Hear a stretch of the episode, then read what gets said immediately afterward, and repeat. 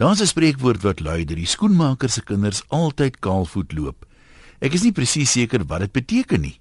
Is die skoenmaker 'n swak pa wat sy kinders verwaarloos en net skoene maak vir mense wat daarvoor kan betaal? Of lewer hy sulke uitmuntende dienste dat hy homself en sy gesin daarom ondergeskik stel aan sy kliënte? Normaalweg moet 'n mens mos 'n wandelende advertensie wees vir jou produk of diens. Sal jy vertroue hê in 'n gym-instrukteur wat nog dikker is as jy? Waarskynlik nie. Haarkappers is egter meer problematies. Uit hulle eksotiese haarstyle kry mense soms die indruk hulle wil almal heimlik werk vir extreme hair, al is hulle in diens by krulletjies en kartels.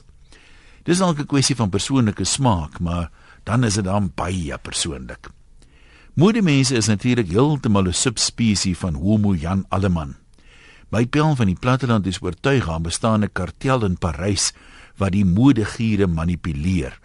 Hulle lede is uitgeworpenes uit die samelewing wat wraak gesweer het teen die mensdom as geheel. Nou dink hulle elke jaar die heel perkaatlikste modes denkbaar uit en stel dit tentoon op bejaarlikse modeskoue. Die media soek mos altyd sensasie en hulle val vir hierdie se drog klere soos 'n sak patats. Hulle publiseer dit en as dit die latest and greatest in die mode tydskrifte die klerewinkels bestel dit en stel dit in hulle vensters uit en dan koop die publiek dit maar gretig want jy moet mos inwees wie wil nou soos die enigste normale mens in die mall lyk? In die meantime sit en geniet die kartel hulle soete wraak oor 'n glasie champagne. Die naweek huppelik weer deur 97 TV kanale in die hoop om iets kykbaars te vind. In een program vertel 'n ontwerper van sy inspirasie, maar sy hare eis al jou aandag op tot so 'n mate dat ek niks kan onthou van wat hy gesê het nie. Hy het 'n paadjie aan elke kant van sy kop, maar die middelste deel tussen die twee paadjies is moeilik om te beskryf. Die hare daar is lank en opgerol. Dit lyk soos 'n kruis tussen 'n regte Italianer wat spaghetti op 'n vurk gerol het, ehm, um, maar hoog en 'n koeksuster. Vooraan sit 'n krul wat jou herinner aan 'n foto van 'n top 10 brander in Hawaii. Daai branderskrul moet soort van heeltemal om met so dinamiese sliert daar die punt.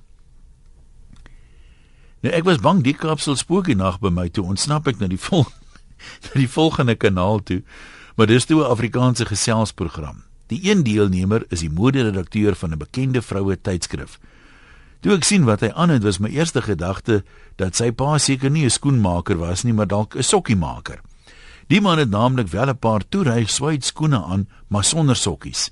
Daarby draai 'n kort broek en 'n formele dubbelbors baadjie wat uh, vermoedelik by 'n pak klere geleen is. Ek raai die uitrusting kan deurgaan vir smart casual. Die baadjie is smart en die kortbroek is casual.